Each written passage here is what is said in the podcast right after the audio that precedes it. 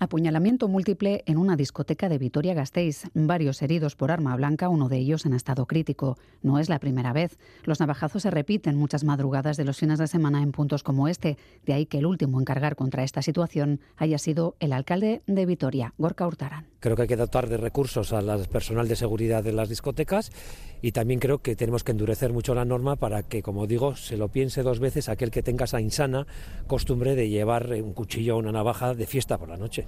De nuevo las navajas y la petición de penas más duras para quienes las llevan al salir de casa. También se repite la mención a los arcos de seguridad para acceder, por ejemplo, a las discotecas. Pero no sería dejar la responsabilidad en el sector privado los responsables de locales de ocio nocturno no lo ven del todo claro. Es el caso de la discoteca Sonora de Astrabudúa. En una sala como Sonora, que tiene casi 1.700 de aforo, arcos de seguridad complicaría mucho el acceso. Sí puede ser interesante que haya detectores manuales, que de forma aleatoria tú puedas pasarle al personal el detector, pues, pues los pantalones, las chamarras y tal, pero digamos que desde la hostelería siempre hemos pensado que cualquier aporte en relación a la seguridad siempre es bienvenido.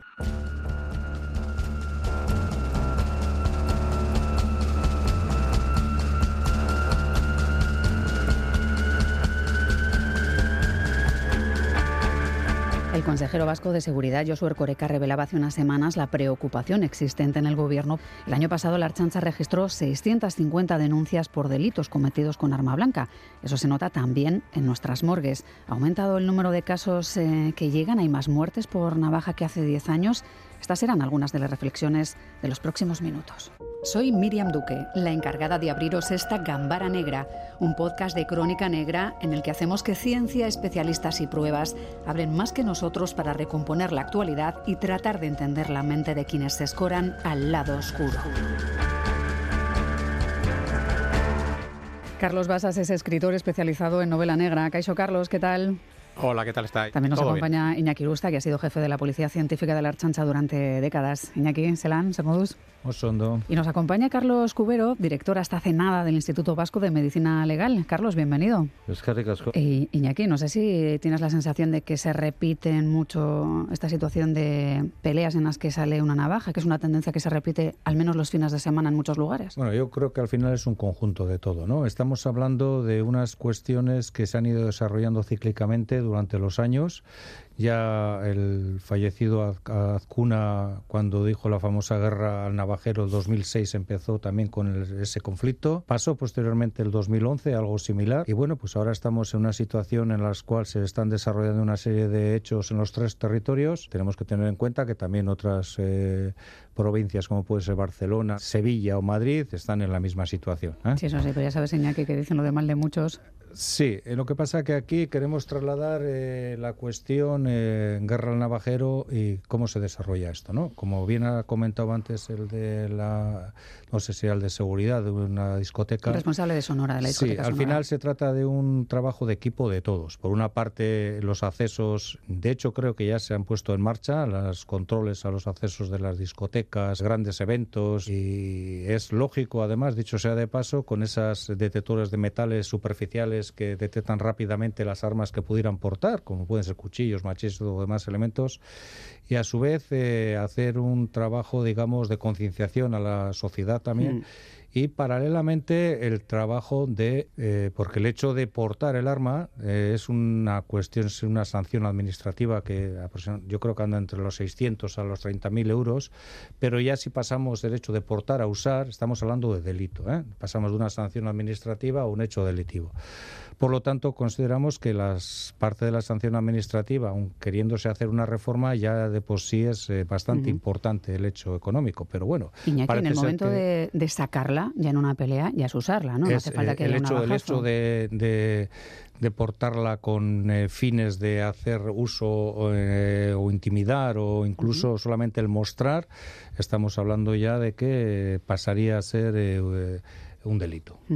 Basas, no sé si tú también tienes la sensación de que hay un cierto problema las noches de los fines de semana y que, claro, no se puede dejar eh, solo en manos de que en las discotecas pongan arcos de seguridad, ¿no? que como ellos decían, pues, eh, ellos solos no, no, podrían gestionarlo, ¿no? porque hay discotecas en las que entran cientos y cientos de personas cada noche. Mm. Sí, eh, la verdad es que es, eh, es un problema eh, creciente y, yo siempre digo lo mismo. Yo que también he estado metido en el mundo de la defensa personal, de las artes marciales, etcétera, yo siempre considero siempre he considerado la navaja como un arma de ataque, no de defensa. me explico, es decir, si tú tienes miedo a ser agredido, generalmente buscas otro tipo de herramientas para defenderte, una, una extensible, otro tipo de elementos. No buscas algo con filo cortado que está destinado no a defenderse, sino a atacar, ¿no? Con lo cual, eh, eh, el mero hecho de que alguien cuando sale de casa decida meterse una navaja en el bolsillo, eh, significa que está predispuesto, cuanto menos, a algo. Carlos, han sido muchos años en la morgue no sé si tienes la sensación de que las navajas proliferan más hoy en día. Si hay una evolución en la forma en, la que morimos. Si en los 70, 80 moríamos de una forma y hoy en día morimos, morimos de forma diferente. Hombre, estadísticamente hace ya años la causa más frecuente de muerte violenta era los accidentes de, de tráfico. ¿no? Estoy hablando pues de hace unos 20 años, por ejemplo. Cuando no era tan habitual, por ejemplo, llevar el cinturón, ¿no? Sí, no se llevaban las medidas oportunas de seguridad, los vehículos no eran tan seguros. A posteriori, una, una, una causa que superó a los accidentes de tráfico eran precisamente las caídas casuales en personas añosas. ¿Más que accidentes de tráfico? Sí, sí. Llegó a ser más frecuente la caída casual que el accidente de tráfico. Hará unos 10 años, por ejemplo. Y ahora, en la actualidad, la causa más frecuente son los suicidios. Ya ello antes de, de la pandemia, no hay que relacionarla con la pandemia. De hecho, tenemos un eh, convenio de colaboración con Osakidecha para la prevención del, la prevención del suicidio, que es muy difícil. En relación con la pregunta ya inicial, inicial que me has eh, formulado, nosotros estamos viendo casos de muertes por, por arma por arma blanca. Eh, hemos hemos de decir que menos mal que todas las lesiones por arma blanca no acaban con resultado de muerte. Pero si estamos viendo muy paulatinamente, está aumentando dicha casuística. O sea que en los últimos 10 años podemos decir que sí ha aumentado ese número de llegada a la morgue de, fallecidos por arma blanca. Sí, generalmente siempre que ha habido un homicidio ha sido o bien por arma blanca o bien por policontusiones y en casos muy extremos mínimos eh, por arma de fuego. Ahora sí está aumentando, insisto, eh, paulatinamente poco a poco eh, las muertes por herida por, por arma blanca, lo cual no quiere decir que llegue ni mucho menos a las muertes violentas de etiología suicida. Eh, entiendo que con machetes no se están registrando en ningún caso, ¿no? Porque oímos eh, ciertas cifras que llegan de Madrid, de, bandas de, menores en las que se utiliza mucho. Entiendo que de momento aquí no tenemos que preocuparnos de una situación así. No, yo creo que lo que más es el arma blanca más bien tradicional, el arma de tipo cuchillo, navaja, etcétera. Y dentro del arma blanca habría que abrir un paréntesis la violencia de género sobre la mujer. Eh, si me permitís, eh, quería que escucharais a gente joven. Salimos hace unos días a preguntar a la calle, pues, después de un incidente nocturno, a ver, eh, bueno, pues qué opinaban de que se hubiesen producido navajazos durante la noche y no parecía que le resultase tan raro mm, porque las ven cuando salen los fines de semana.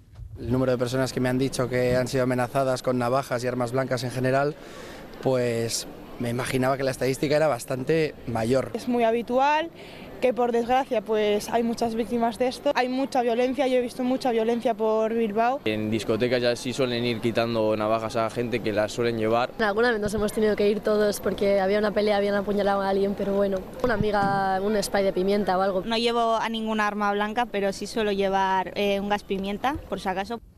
Iñaki, supongo que han existido siempre. En los más jóvenes, que son los que normalmente más salen por la noche, tienen más posibilidades de ver peleas de este tipo y ven más, eh, bueno, pues navajas, por ejemplo. Pero ¿te extraña que no les extrañe las cifras de decomisos? En ese momento se hablaba de unas mil retiradas eh, y 650 denuncias por delitos ya cometidos con arma blanca. Lo triste es eso, pero que tenemos que tener en cuenta que del año anterior, con respecto al año 2022, ha habido un 40% de incremento, con lo cual algo nos tiene que llamar la atención, una cuestión, como he dicho antes, de concienciación por parte de todos y que el que, como comentado antes Carlos, el que sale con un arma no es para pasearle, es para en un momento determinado hacer uso.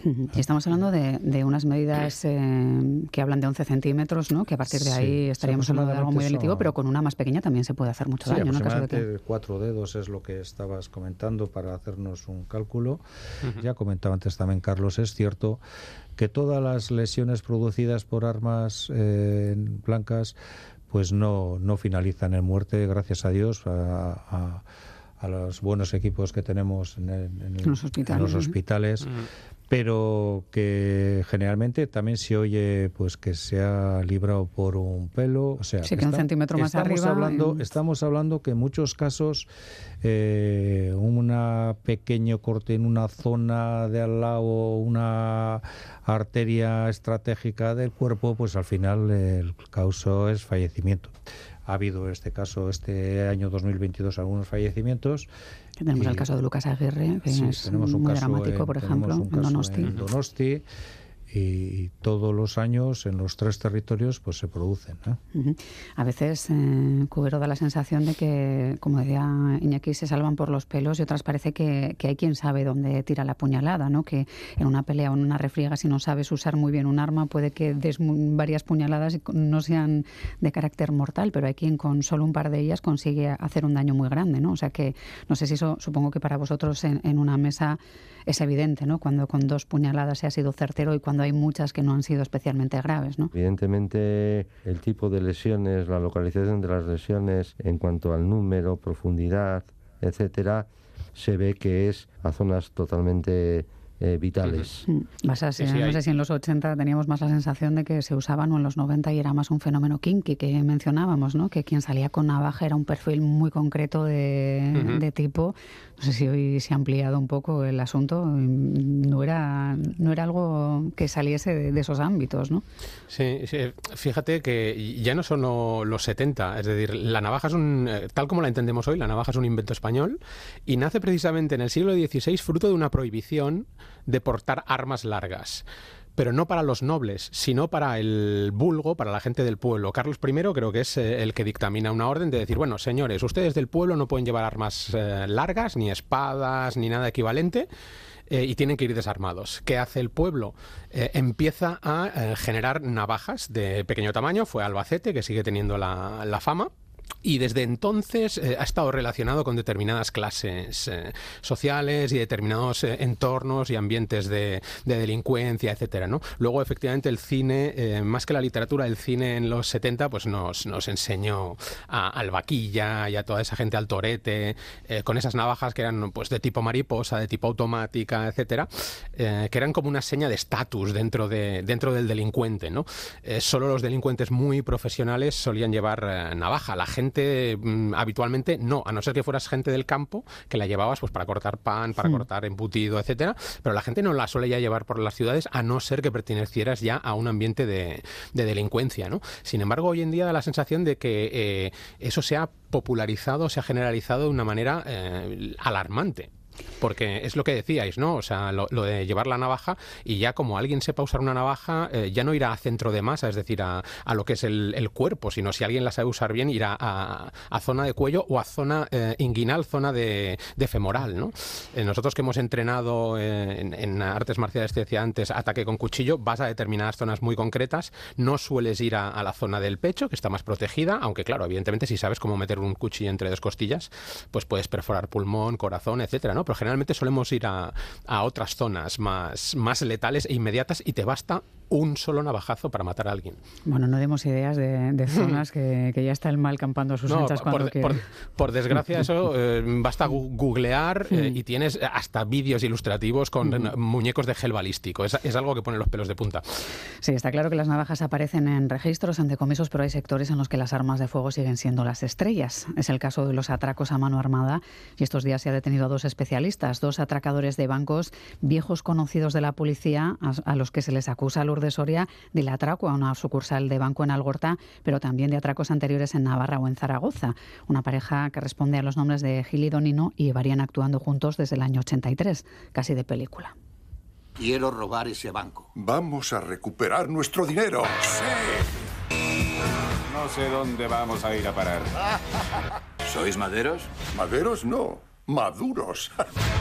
En la película Un golpe con estilo eran tres ancianos acorralados por las deudas que deciden dar un golpe al banco. En El rey de los ladrones, los cacos también entrados en años y con achaques físicos que no eran obstáculo para que lo intentaran. ¿Cómo va tu cadera, Ken? ¿Ken? ¿Ken? ¿Qué? Como una tapia.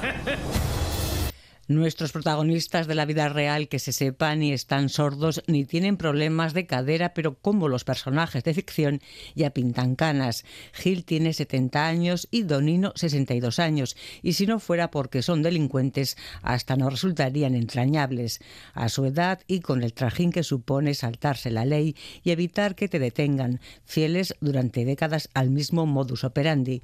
Robo de sucursal con armas cortas semiautomáticas, reales o de simulación disfrazados con pelucas y máscaras de silicona, coche aparcado fuera para escapar y sobre todo tan perseverantes y tan de palabra. Dijeron que cuando salieran de la cárcel en 2020 volverían a intentarlo porque no saben hacer otra cosa y cumplieron su amenaza. Sin embargo, han vuelto a ser detenidos, esta vez por la chanza.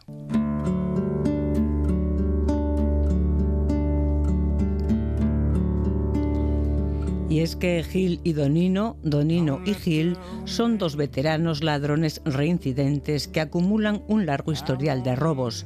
La pareja de atracadores es famosa en todas las comisarías de policía de la cornisa cantábrica. Han actuado en La Rioja, Cantabria, Galicia, Navarra y la CAP. Su último golpe fue en diciembre pasado en una sucursal de la Caixa en el barrio Guechotarra de Algorta. Se llevaron 100.000 euros después de amenazar y retener a los empleados, idéntica cantidad que curiosamente sustrajeron de otra sucursal del mismo banco en Pamplona en 2013, aunque en aquella ocasión les detuvieron los municipales con las manos en la masa. Gil es natural de Palencia, ha sido arrestado en 11 ocasiones por robo con violencia, robo con fuerza, falsificación documental y detención ilegal. Donino es vizcaíno, de Baracaldo, y ha sido detenido en cuatro ocasiones por delitos de robo con violencia, extorsión y tráfico de drogas. No se tiene constancia desde cuándo roban a la limón. Eso sí, jamás han apretado el gatillo ni aun cuando se hayan frustrado sus planes. Según la policía, son delincuentes clásicos que pasan un tiempo tranquilos y que después se juntan para volver a la carga y recuperar liquidez.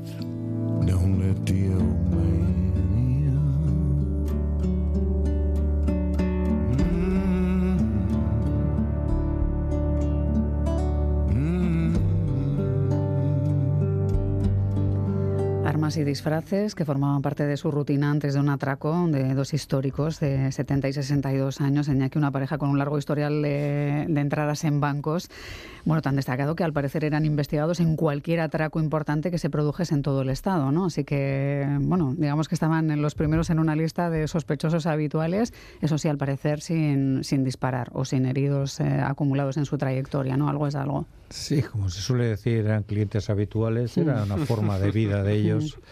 Eh, efectivamente, nunca procedieron a disparar ni efectuar ningún eh, disparo en los hechos que cometían, los errores que cometían y por los cuales les procedían a detener.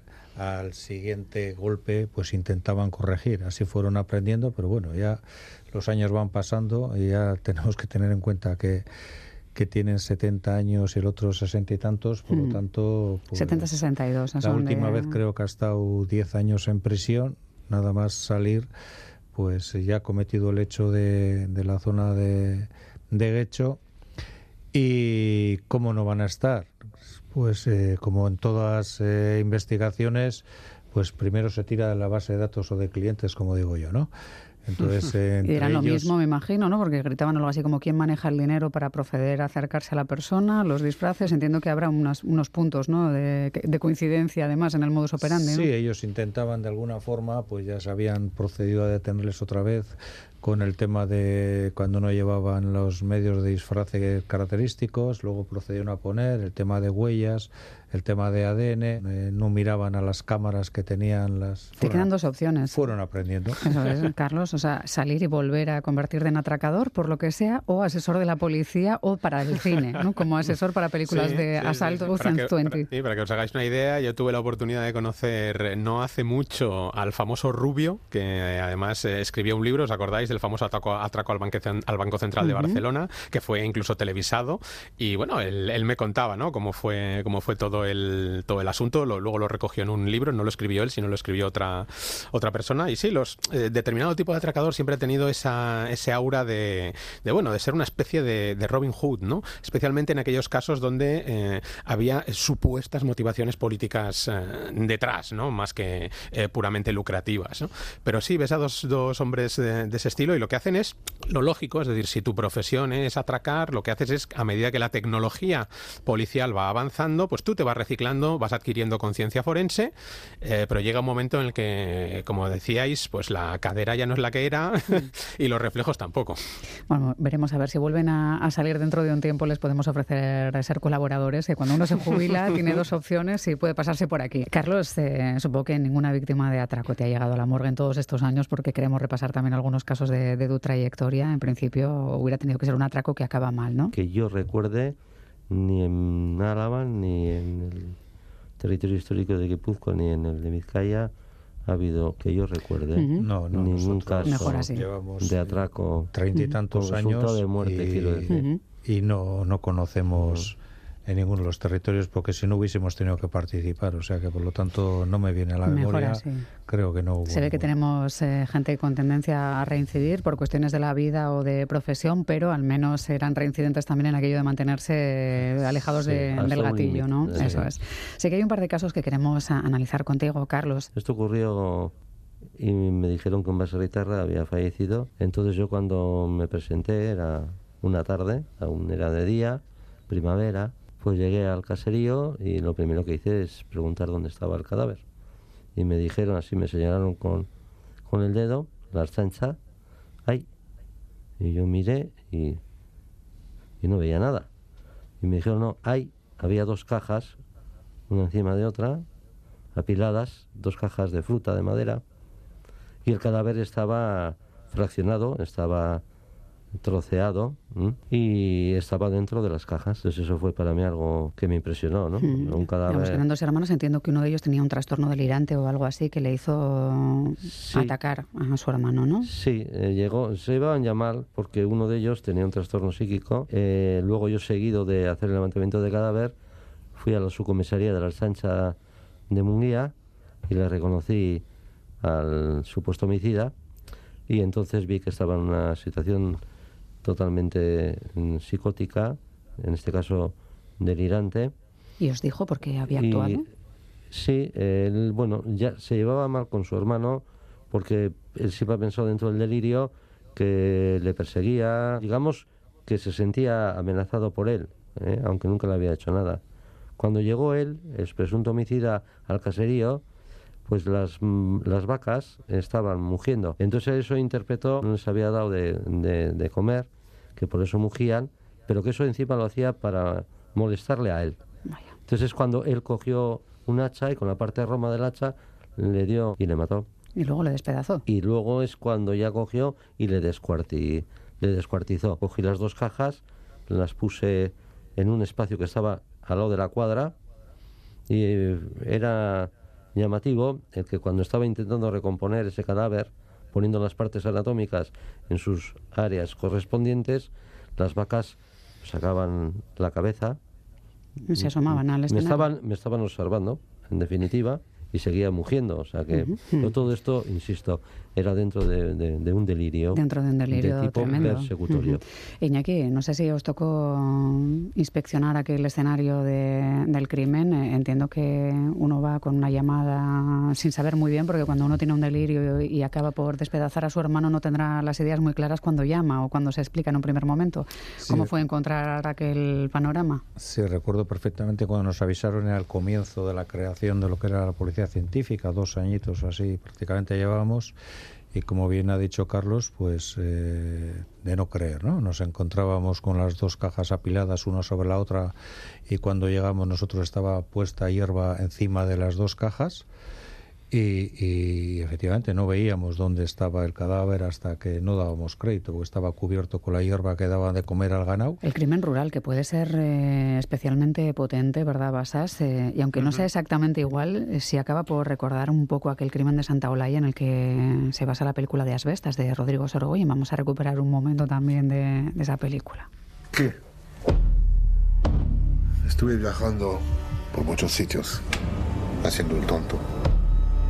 Una noche iba tan borracho que tuve que parar. Me tumbé y vi el cielo lleno de estrellas. Cuando me desperté, estaba aquí en este valle. Me pasé toda mi vida pensando en esto y me, me decía, cuando sea un viejo estaré aquí. Seré libre. Y serías libre justo aquí. Es una historia una historia preciosa. Basas montes y laderas sin apenas contacto con los vecinos en algunos casos, eh, pero claro, en un contacto con un trastorno, por ejemplo, o con alguien que no está en sus cabales, eh, puede acabar siendo muy brutal. ¿no? no vamos a contar demasiado de asbestas, pero sí que nos recordaba un poco algunos puntos de, lo que es en ocasiones el crimen rural, ¿no? entendido como tal. Y además en este caso, en este caso real, eh, que ya fue tratado en un documental que se llamaba Santo Aya, que es del año 2016, eh, tenemos ambos elementos. Tenemos por un lado a uno de los eh, perpetradores, pues también con un límite mental pues bajo. Tenemos también el tema económico, que suele ser otro de los grandes motivos de, en el crimen rural, en el crimen en general, pero en el rural también, ¿no? en la película se habla de instalar un parque de molinos eólicos, en la realidad fue los derechos de explotación del eh, monte. Sí, y, bueno, ahí tenemos esa combinación, ¿no? A, mí siempre me ha llamado la atención este, este caso porque eh, viene a decirnos un poco que si tú reúnes en un pueblo, aunque sea solo a dos personas, si no se ponen de acuerdo, las probabilidades de que eh, eso acabe en crimen son altas. Eh, y estamos hablando de una aldea en la que solo convivían dos familias, una madre con dos hijos y este matrimonio holandés de Martin Berfordern y Margot Poole.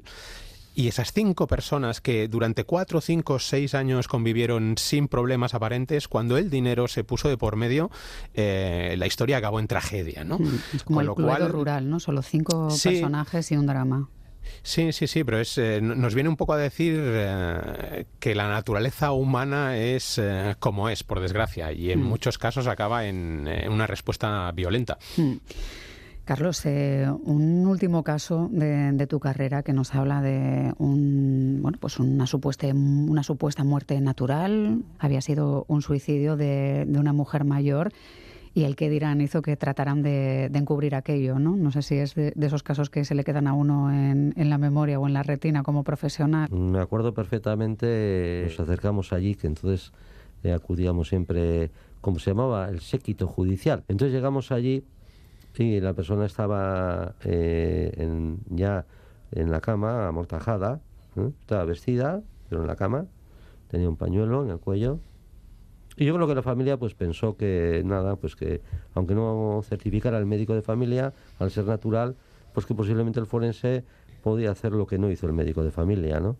Es decir, evitar la autopsia y evitar pues lo que luego se descubrió. Cuando le quité el pañuelo vi un surco de ahorcadura, vi un surco de ahorcadura en, el área cervical, me refiero al, cuello, y es cuando dije esto no es una muerte natural, esto es una muerte violenta, este es un claro signo de ahorcadura que macroscópicamente eh, de visu perdón, eh, tiene signos de vitalidad. Eh, entonces ya es cuando la familia pues se derrumbó y, dijo la verdad. Se trasladó el cadáver, se, le hizo la autopsia, le hice yo mismo la autopsia y quedó en, en lo que quedó, ¿no? Esto en la actualidad no hubiera pasado No, ya entiendo porque está todavía la familia de Mario Biondo, por ejemplo, diciendo que hay algo detrás, ¿no? Porque es verdad que a veces un suicidio puede intentar hacerse pasar por una muerte natural, pero otro tipo de muertes también se intentan a veces hacer pasar por suicidios, ¿no? No son muchas, pero es verdad que hemos tenido casos como ese en el que apareció el joven ahorcado en su casa y su familia en Italia lleva muchísimos años eh, investigando, peleando y tratando de que se analice desde otra perspectiva, ¿no? Entiendo que estaríamos ante un delito, ¿no, Iñaki? O, o la posibilidad de una reprimenda fuerte, ¿no? Si a día de hoy tratamos de cambiar una escena de un crimen. Tenemos, efectivamente. O de una muerte. Una manipulación una muerte un natural. escenario, efectivamente. Sí que me recuerdo ese caso además, creo que era con, como el marco de la puerta. Es, en este caso la autopsia también nos va a dar la información. Creo que ya el puzzle con eso se cierra y no es necesario más elementos de investigación que no nos van a llevar a ningún otro sitio de partida. La técnica bien aplicada y los especialistas que consiguen que bueno, pues las malas intenciones y el tratar de hacer pasar una muerte por lo que no es acabe saliendo a la luz con más o menos trabajo, con mucho esfuerzo y profesionalidad. Os agradecemos mucho, como siempre, que hayáis estado aquí en esta charla. Carlos Cubero, director hasta hace nada del Instituto Vasco de Medicina Legal, muchísimas gracias. Es de a ti. Iñaki Rusta, jefe de la Policía Científica de la Archancha también durante décadas, es que recasco. ¿eh? Es que caso soy. Y Carlos Basas, escritor especializado en novela negra y en artes marciales también. Como siempre, un abrazo y gracias por las reflexiones también sobre crimen negro. Y, y, y no, jubilado toda... no, jubilado no jubilado. No jubilado, todavía. y lo que te queda, amigo. Un abrazo, Carlos. Gracias Hasta a los luego. tres. Agur. Vale. Venga, Agur. Carlos.